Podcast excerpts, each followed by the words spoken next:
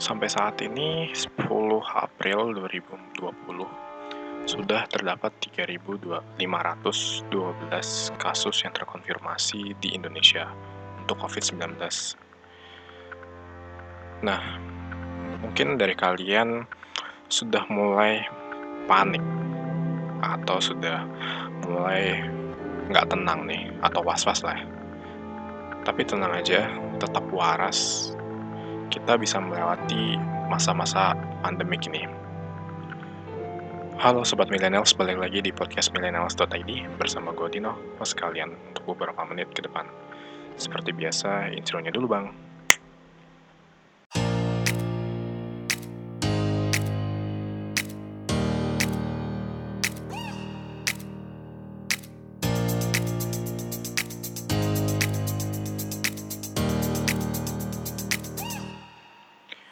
Oke, balik lagi di podcast millennials.id masih bersama gue Dino, host kalian yang masih setia di sini. Ya, mungkin uh, eh, gue juga lama nggak update dan memang banyak hal yang terjadi dari Januari kemarin sampai bulan April ini. Dan benar-benar sibuk banget. Dan juga dengan adanya pandemik COVID-19 ini, semua aktivitas itu terganggu gitu karena harus mempersiapkan ya gue juga kerja untuk mempersiapkan infrastruktur buat transaksi dan yang work from home juga tapi bukan itu yang ingin gue bicarakan hari ini melainkan bagaimana kita di saat-saat seperti ini harus tetap berpikir dengan waras atau tetap waras istilahnya gitu. So kita mulai aja. Di sini gue ada lima poin yang akan gue sampaikan. So, here it is. Yang pertama, ketika kita di masa-masa pandemik seperti ini, dalam masa isolasi, karena ya kita udah melakukan isolasi mandiri lah, mengkarantina diri sendiri di rumah, lalu kita mungkin makin ke sini makin ya kalau dihitung-hitung udah hampir sebulan lebih kita di karantina di rumah sendiri ya mungkin udah ada ya kangen dengan orang atau pengen ketemu dengan orang atau let's say ya hampa gitu. Oke. Okay. Yang pertama kita melakukan komunikasi dengan orang terdekat. Nah, berkomunikasi dengan orang terdekat ini uh, bisa kita lakukan dengan ya kalau kita di rumah mungkin uh, kalau kalian udah berkeluarga mungkin sama keluarga kalian atau kalian punya masih punya orang tua ya orang tua kalian berkomunikasi ya atau misalkan kalian di kos. Terus kalian uh, kesepian nih misalkan sendirian nih nggak ada aktivitas lain gitu. Terus ya jenuh gitu. Mungkin kalian bisa menghubungi teman kalian entah uh, video call atau WhatsApp atau Line atau ya apa pun bentuk komunikasinya. Asalkan jangan uh, komunikasi yang tanda kutip yang negatif ya.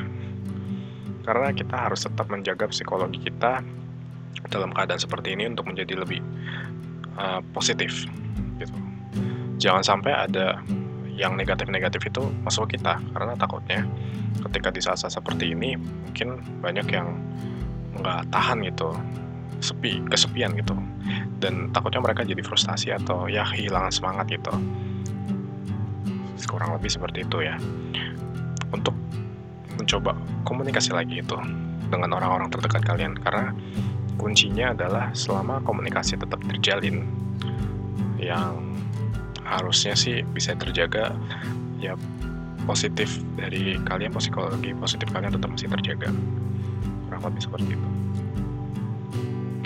Lalu yang kedua dalam menghadapi masa pandemik seperti ini kita dapat melakukan aktivitas yang dilakukan di dalam rumah atau di indoor ya.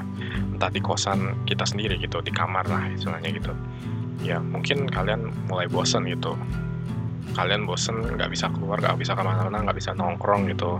Mungkin bisa nongkrong tapi jam waktunya yang biasanya sampai larut malam ini nggak bisa dibatasin gitu. Lalu bagaimana mengakali aktivitas yang biasanya bisa kita lakukan di luar tapi bisa kita lakukan di dalam rumah atau di indoor ya kita menyesuaikan suasana Itu yang pasti. Pertama menyesuaikan suasana uh, agar suasananya itu enjoyable gitu indoor. Lalu kalau misalkan kita udah mulai bosen banget nih, ya kita butuh olahraga. Oke, okay, olahraga dalam rumah. Maybe bisa ya lari, lari maksudnya lari ya lari lari lari di tempat lah gitu atau melakukan push up atau ya senam lah atau yoga salah satunya gitu atau bisa melakukan kayak project-project kecil. Misalkan kalian punya project kecil nih kayak uh, oh ya gue punya uh, model kit yang mau gue gue rakit gue bisa rakit itu. Atau misalkan kalian mau bikin video di YouTube atau di TikTok sekalipun ya kalian bisa melakukan itu di rumah. Ya berimprovisasi lah dengan ya banyaklah orang yang bisa melakukan hal-hal seperti itu di masa-masa seperti ini gitu. Atau melakukan hal-hal lain ya kayak main game atau ya istirahat lah tidur gitu atau beres-beres rumah. Setidak ya itu aktivitas yang gampang untuk dilakukan di rumah. Sehingga kita bisa oh nggak jenuh nggak bosen nggak istilahnya nggak ya nggak terlalu ini banget lah di rumah gitu tetap masih bisa mengontrol diri kita supaya tidak jenuh gitu lebih seperti itu poin kedua Lalu, poin ketiga adalah usahakan untuk tidak panik dan tenang. Karena gini, mungkin selama pandemik ini, banyak dari masyarakat itu, bukan di Indonesia aja, tapi di luar negeri sekalipun, mereka tuh panik gitu. Panik nggak tenang, seakan-akan dunia itu akan chaos banget, akan berakhir gitu kayak di game-game ya, atau di film-film yang Resident Evil lah atau The Purge lah atau misalkan film-film yang lain lah gitu. Ya pokoknya aku seakan-akan dunia itu akan berakhir gitu. Mungkin orang yang sudah mempersiapkan diri dengan baik mereka akan hidup tenang gitu. Tapi bagaimana dengan kita yang tiba-tiba nggak punya persiapan gini terus menghadapi kejadian seperti ini kata kuncinya tenang. Tenang berpikir jernih. Jangan terhasut untuk melakukan sesuatu yang dapat merusak ekonomi. Ataupun bukan ekonomi aja gitu tapi lebih kepada kayak sosialitas kita gitu. Sosialitas kita itu maksudnya ya kita sendiri panik terus me, ya melakukan hal yang panik membuat orang lain juga panik ikut panik gitu contohnya gini yang kemarin-kemarin ketika pertama kali ada kasus pertama di Indonesia, orang mulai panik buying yang namanya masker. Masker N95. Lalu diikuti dengan termometer, diikuti dengan hand sanitizer, dan sekarang vitamin. Dan mungkin ya gue nggak mau berpikir yang jauh. Mungkin bisa aja pasokan pangan ya. Bisa aja habis kalau orang-orang panik buying. Ini harus berhenti. Kenapa? kita di situasi seperti ini harus berpikir jernih dan tenang. Jangan panik untuk melakukan hal-hal yang di luar akal sehat. Karena pada dasarnya, panik dan tidak tenang hanya akan membuat suasana lebih parah dan bisa aja chaos. Hal-hal yang udah gue takutkan adalah mungkin bisa aja kejadian 98 terulang. Tapi dengan versi pandemik. And that's a really bad thing could happen please tenang, berpikir jernih, jangan panik. Lalu bagaimana nih kalau misalkan gue belum ada persiapan sama sekali? Oke, pertama udah tenang. Lalu kalau misalkan kalian membutuhkan sesuatu, lihat baik-baik. Maksudnya, lihat baik-baik itu coba dilihat kebutuhan kalian. Jangan sampai membeli sesuatu yang tidak kalian butuhkan. Lalu ditimbun terus orang lain juga ikutan nimbun, dan akhirnya harga barang pun jadi mahal, atau barang menjadi langka. Itu sangat tidak baik. Karena, oke, okay, kalian punya uang. Lalu bagaimana mereka yang di jalanan, yang di rumah-rumah yang bobrok lah di luar sana, yang tinggalnya nggak jelas gitu. Bagaimana dengan mereka? Ya kita juga harus membantu mereka untuk bisa mendapatkan uh, kebutuhan mereka gitu. Oke, okay, let's say kalian sudah tahu mau beli apa. ya udah kalian belilah seperti itu dan juga kalau kalian bisa menyisihkan uang atau barang yang kalian bisa kasih ke orang lain it's better that way karena kita juga harus saling membantu gitu tetap waras gitu jangan egois dengan diri kalian sendiri oke keselamatan dan kesehatan kita menjadi hal yang utama tapi pikir lagi gitu jangan sampai keegoisan kita sebagai manusia merugikan orang lain gitu karena ya kita itu makhluk sosial, kita nggak bisa hidup tanpa orang lain. Ya kita harus membantu orang lain juga. Jangan sampai orang-orang yang sudah bertugas di depan, ya para gugus depan, terdepan dokter, dan orang-orang di belakang dokter yang membantu mereka, itu menjadi sia-sia. Usaha mereka, mereka yang sudah meninggal pun menjadi sia-sia karena kalian yang panik dan tidak berpikir dengan matang dan egoisnya tinggi banget. That's the thing. Nomor tiga ya, diingat baik-baik, tidak panik, dan cukup uh, tetap tenang dalam situasi seperti ini. Oke, lanjut ke poin nomor 4. Nah, poin nomor 4 ini mungkin uh, berkaitan dengan nomor 1, 2, dan 3. Karena kenapa? Poin nomor 4 ini adalah menghindari berpikir negatif dan tetap positif. Karena gini, pada dasarnya kalau misalkan kita tetap positif, kita akan tetap semangat. Semangat untuk melewati masa-masa seperti ini. Jangan negatif dulu. Oke, kita tahu uh, kasus sudah mulai banyak dan mulai sedikit-sedikit sudah mulai naik di Indonesia.